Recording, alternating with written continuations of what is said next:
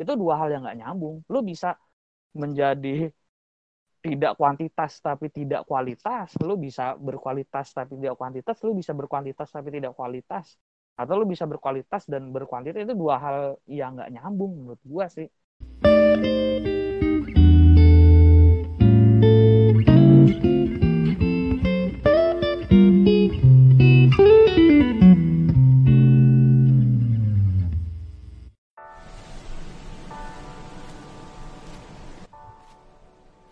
Nah, jadi kita udah bisa dengar ini dari kedua pendapat ini. Nah, berikutnya kita sudah mulai memanas. Karya sekarang saya akan membahas tentang kualitas. Kualitas itu kita pasti sering mendengar sebuah kata yang sering digembar-gemborkan oleh banyak orang. Nah, saya kembali ke Mas Gugus dulu deh. Apa arti kualitas okay. dari sudut pandang Mas Gugus?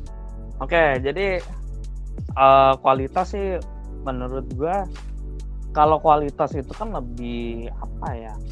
Kan kalau ini kan ada kualitas ada kuantitas. Nah kalau kualitas itu jadi membuat sebuah karya yang bermutu gitu. Yang bermutu itu mungkin variabelnya itu berarti validity and reliability gitu. Apakah validity and reliability validity itu berarti benar gitu. Jadi kita ngomong berdasarkan data, berdasarkan fakta, berdasarkan uh, sesuatu pendapat yang nggak ngasal dan nggak terlalu subjektif gitu menurut gue sih gitu.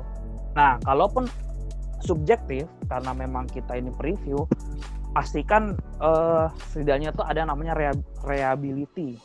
Apa sih reliability itu? Reliability itu kalau orang awam atau orang lain mengcompare gitu atau membandingkan dengan dirinya sendiri ngelihat mana suatu paling enggak tuh uh, istilahnya tuh distraksinya itu nggak terlalu jauh gitu atau enggak mungkin uh, errornya nggak terlalu jauh gitu. Misalkan contohnya ah oh, film Avatar jelek gitu.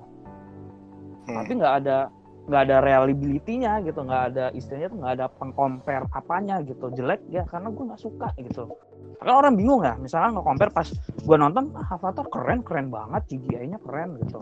Nah itu kan nggak ada reliability. Nah itu menurut gue yang tidak tidak kualitas gitu. tapi kalau kualitas ada misalkan ah Avatar ini menurut gue jelek gitu. Misalkan di salah satu pembahasan di film Avatar kan karena sebenarnya Avatar itu formatif dari film-film yang sudah ada. Contohnya The Last Samurai gitu.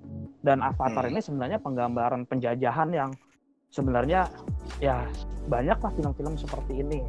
Oh kalau itu ada reliability-nya gitu. Jadi orang tuh bisa membandingkannya tuh ada penggambarannya. Nah itu menurut gua ada kualitasnya di dalam situ. Itulah kualitas. Dan ya mungkin pendapatnya itu ya tadi valid gitu. Ada datanya pendapatnya tuh ada. Nggak ngasal ngomong nggak ngawur gitu. Itu kualitas. Itu sih menurut gua Oke oke. Kalau dari Mas Watching gimana Mas Watching?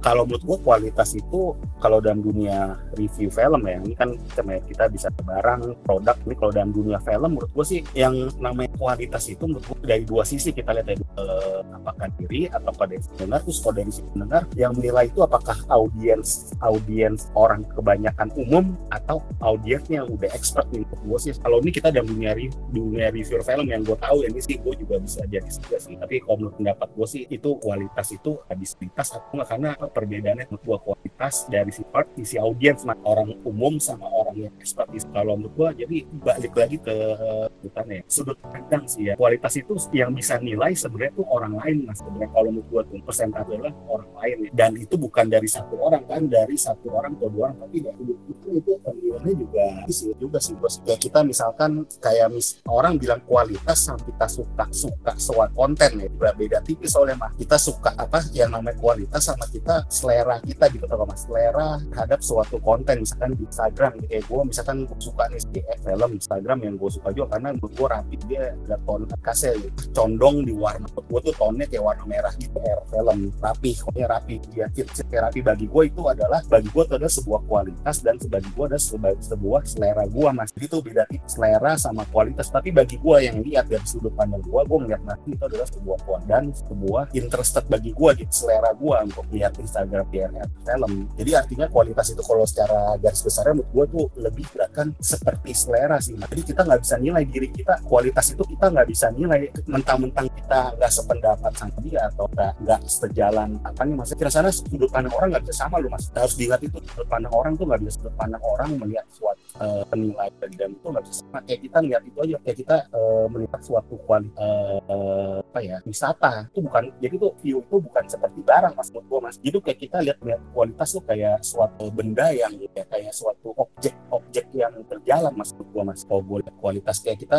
bilang tempat wisata sih. Ya kayak tempat wisata menurut kan jadi kadang kita bilang tempat wisata di Bali misalkan nih tasnya orang orang barat aja nganggap itu adalah sebuah kualitas sebuah keajaiban dunia. Tapi bagi orang Indonesia yang sering melihat atau menganggap ah gue ngapain kok? Banyak kok selera kalau menurut gue seperti kalau dalam dunia review film karena ini bukan dunia bentuk uh, kayak barang ya atau produk ya kualitas itu yang bisa menilai adalah tergantung uh, selera sama sudut pandangnya sih mas. Karena sudut pandang itu kita nggak bisa maksain ke semua orang sih. Jadi kita pasti kalau bahasa sih orang-orang biasa yang gue denger ya orang-orang besar ya selebritis ya kualitas itu adalah tergantung angsa pasar dia mau dibawa atau dia siapa nih selera dari audiens gue lebih dan kita sekali lagi gue agak kurang suka kalau orang berdasarkan pendapat pribadinya gitu. Karena mentang-mentang nggak sesuai dengan selera atau sudut pandang dari dia gitu. Uh, kalau kita bilang pola sudut pandang pribadi atau yang umum itu bukannya bicara juga soal tren ya. For example waktu zamannya pertama kali musik rock and roll itu pas uh, mulai ada musik rock and roll itu dibilang musik yang tidak mempunyai nilai karena berbeda sekali dengan musik klasik dan lain-lain atau musik-musik sebelumnya. Atau nah terus habis itu masuk ke, ke itu tahun 50-an ya musik rock and roll. Terus masuk ke musik Beatles. The Beatles dulu juga sempat dibilang itu musik yang nggak ada nggak ada nggak ada nilai-nilai seninya lah ya. Nah itu kan mm, terus habis itu mus musik ke musik ke elektro elektronik ya. Nah itu kan akhirnya kan masing-masing tapi kan yang ada orang bilang oh ini mah nggak nggak punya nilai nggak berkualitas. Tapi ada yang menghargai. Sampai sekarang juga misalnya ada musik uh, uh, musik-musik lain itu mulai R&B segala macam. Itu yeah. kan ada, ada yang bilang oh ini mah menyimpang daripada nilai-nilai sebuah musik. Yang benar adalah ini atau rap. Dibilang oh rap itu musik apa sih? Itu cuman musik apa? Atau metal atau grunge apa tuh? Cuma soalnya kalau gitu soalnya kalau dulu kan nggak ada harganya. Kalau kita kan nilai suatu nggak ada harganya kita menilai kayak dalam ini atau di lover pun ini nggak ada harganya nggak ada price terhadap suatu suatu objek ataupun suatu yang akan kita nilai kualitas atau enggak kalau barang kan kayak kita hotel nih kita tahu kan hotel kan karena kan balik lagi ke harga. Kita kan tuh nggak bisa bohong karena ada harga kan. Berlian hmm. ada harga kualitasnya jadi seni rumah. itu seni, seni itu, itu tidak ada harganya nggak ada patokan ada yang secara tag price uh, misalnya iya price-nya tuh nggak ada. Jadi dislike sama likes itu beda tipis. Hmm. like kira secara psikologis itu beda tipis. Tapi yang dibilang Mas Bu apa tuh yang kata Mas uh, reliable dari suatu fakta yang terjadi. Itu benar juga tapi itu kok kita udah ngomong tuh itu akan tergerus Mas. Tuh itu udah kok ngomong itu masalah gue ya om. Gue tuh kita udah ke audi umum tuh kalau itu audiens kalau bicara soal audien itu bukannya bicara soal tren? Audiens sih tren kan kan balik lagi kan kalau tren itu mungkin kurang ada hubungan sama gue ya kalau kualitas itu kan kalau nggak ada harganya jadi menurut gue tuh nggak ada patokan harganya gitu. Orang bisa kualitas tinggi apa objek ini atau ada bernilai sekali lagi ya seni sih. Nah sekarang apakah bisa kuantitas dan kualitas itu dipisahkan kalau kuantitas kualitas sih gue sih sih itu sebuah hal yang sebenarnya sih gue ya agak sedikit uh, bertentangan ya gue ya. Jadi kesannya bukan suatu duet yang bisa bisa konekin langsung gitu buat gue tapi ini bercabang-cabang sebenarnya kalau ngomong kualitas. Tapi kuantitas itu kalau orang bilang gini di kuantitas banyak bukan berkualitas jadi kualitas bagus bukan berarti kualitas juga dikit. Kayak gitu sih mas sebenarnya mas. Jadi sebenarnya menurut gue kuantitas itu memang kalau secara rumus ya kalau menurut gue secara ilmu kuantitas kalau kita semakin banyak kita kita tuh kalau kata Bruce Lee gue nih dia lebih suka tuh berlatih satu ilmu satu tendangan itu seribu kali. Bukan satu hari seribu ilmu. Ngerti gak? Hmm. paham ya maksudnya? Jadi itu jadi itu kuantitas dong ya kuantitas menurut gua kuantitas itu bukan berarti kualitas kita jelek tapi ya kuantitas Hmm. itu akan semakin buat diri kita deh kita berkaca pada diri kita sendiri. Semua orang yang ngomong soal kuantitas kita berkaca pada diri ketika kita sering berat kita sering main bola deh dari kecil gua ngalamin loh. Suka main bola Hmm. suka main bola biliar. Dari kecil dari SMP SMA gue main kayak orang culun tapi pas semakin bertambah waktu kayak kita nyetir mobil aja masih terus kita semakin tahu selah-selahnya itu otomatis. Bukan karena kita mau jadi pinter seorang nyetir mobil ya tapi karena kita Hmm. terbiasa tau kayak kita suami istri deh. Makin kita tahu karakter dia kita akan kami akan timbul namanya tuh kedewasaan. Usia ya kayak gitu sih menurut gua kualitas itu bukan berarti kita basicnya Nah, berkualitas tapi eh, terbiasa sama lakukan. Kita bisa mulai diri kita kita bisa memperbaiki learning bang learning juga belajar dari kesalahan masukan masukan nah akan otomatis menurut gua otomatis kualitas itu sedikit demi sedikit nggak langsung tapi pasti sedikit ada improve pasti hmm. Oke oke menarik menarik. Kalau dari Mas Gugus sendiri gimana Mas Gugus? Apakah kuantitas bisa dipisahkan dengan kualitas? kalau menurut gua kualitas dan kualitas itu gua sih sesuatu yang sebenarnya dipisah menurut gua justru itu dua hal yang terpisah dan nggak nyambung menurut gua ini Hmm. menurut gua pribadi ya Hmm, quality is not equal with quantity lah kagak nyambung gitu. Maksud gue gini kalau lu bisa bikin barang berkualitas dan produktif why not gitu? Emang kalau barang berkualitas harus sedikit secara kuantitinya kan nggak nggak ada hubungannya. Justru yang perlu lakuin adalah improvement gitu. Maksud gue ketika lo bisa bikin kalau lo bisa produktif ya bisa menciptakan karya yang banyak dan berkualitas. Nah itu kan yang lebih baik gitu itu yang diharapkan semua orang gitu. Jadi eh, istilahnya mungkin dalam artian berkarya berreview gitu ya atau bikin podcast ya harapan semua orang kan bisa bikin episode yang banyak tapi setiap episodenya tuh bagus gitu contohnya contohnya apa yang bisa bikin kayak gitu? Banyak kita bisa belajar dari podcaster-podcaster yang sudah hebat gitu ya. Bahkan dia dia itu sudah bikin satu manajemen yang cukup bagus menurut gua. Misalnya kita bisa belajar dari do you see what I see misalkan. Itu apa kurang produktif gitu tuh orang tuh. Dan setiap podcastnya itu bagus banget sih menurut gua. Menarik banget gitu tentang cerita. Bagaimana seorang Mr. Popo yang seorang bisnismen gitu seorang eh, pengusaha nasi eh pengusaha beras sorry. Dia bisa begitu produktif dan begitu berkualitas di setiap episodenya. Ya dia bikin sistem gitu. Dia bikin sistem yang yang kualitasnya dapat kuantitinya dapat. Ya dia orang lain ngomong gitu orang lain ngomong. Nah dan gue gue pribadi ya kalau gue ngantuk biasanya dan hampir tiap hari gue ngantuk gitu ya gue akan mendengarkan dia gitu do you see gitu. Karena gue bisa ngeliat cerita horor yang begitu menarik langsung dari narasumbernya dan itu tipikalnya kayak bercerita gitu. Kayak seolah-olah tuh gue masuk ke dalam cerita tersebut. Ada lagi tuh yang si Agra. Aduh gue lupa podcastnya. Pokoknya yang cerita horor itu dia quantity dapat quality juga dapat gitu. Dengan cara apa ya? Dia bener-bener dia kamarnya dia dijadiin studio jadi karena dia kebetulan mahasiswa seorang mahasiswa yang ya mungkin eh, apa namanya waktu senggangnya banyak dia benar-benar konsisten tiap hari. Tiap hari dia eh, apa namanya memproduce terus tuh podcast podcast yang berkualitas. Nah cerita horornya dari mana? Cerita horornya dia istilah episode awal-awal dia bener-bener ngolek dulu terus baru bikin podcast lalu next next episodenya dia tuh kayak bikin kolom kolom forum gitu kolom forum. Terus ketika mungkin kolom forumnya di pendengar-pendengarnya dia habis dia itu menggali ke kolom forum Kaskus atau kolom forum eh, maunya Riddle atau mana pun lah.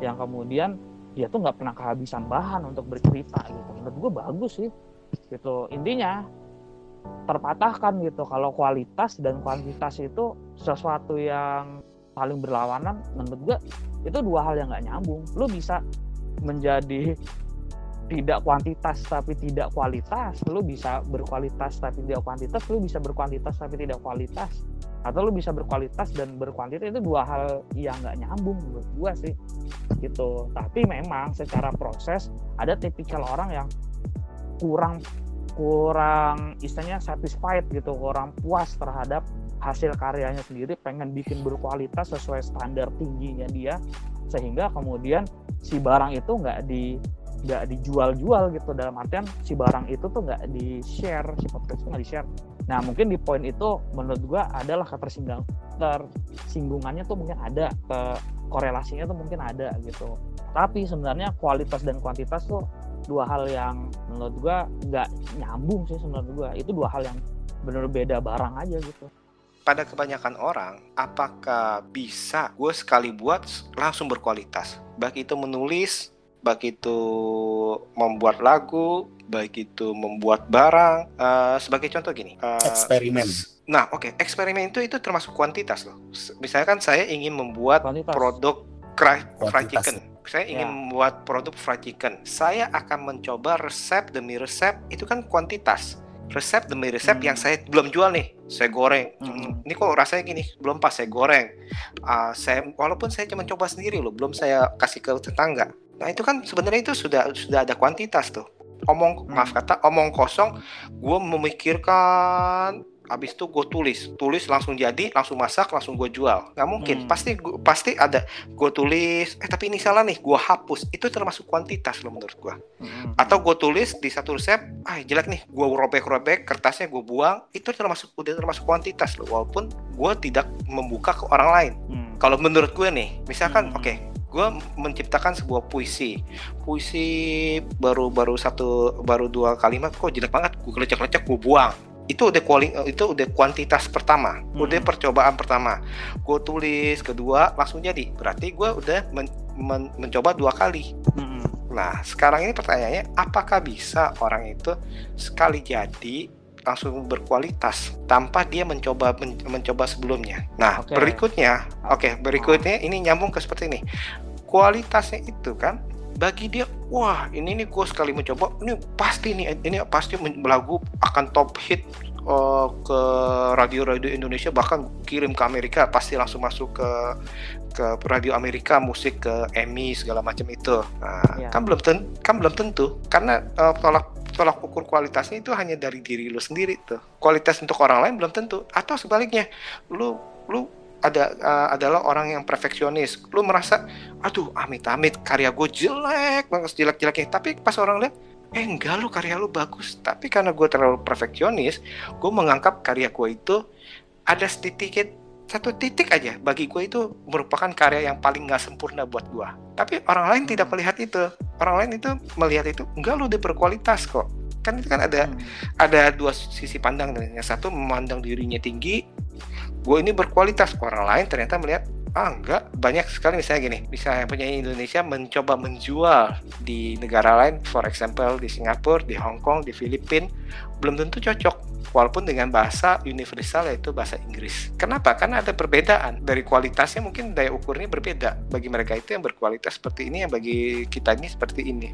Nah itu gimana Mas Gugus Nah ini kan bicara soal kuantitas juga dan kualitas. Oke, tadi gue lupa sih, maksudnya ini spektrum yang gue bicarain itu di mana? Hmm. Spektrum yang gue bicarain itu sebenarnya menyambung kepada sudut pandang orang, sudut bukan hmm. sudut pandang pendengar ya, sudut pandang si istilahnya si artis atau si podcaster atau si maker-maker yang lain gitu. Hmm. hmm. Kalau kadang kita sendiri nih, kita pribadi nih suka ngomong kalau gue terlalu produktif, gue itu kayak ngurangin quality. Bener nggak?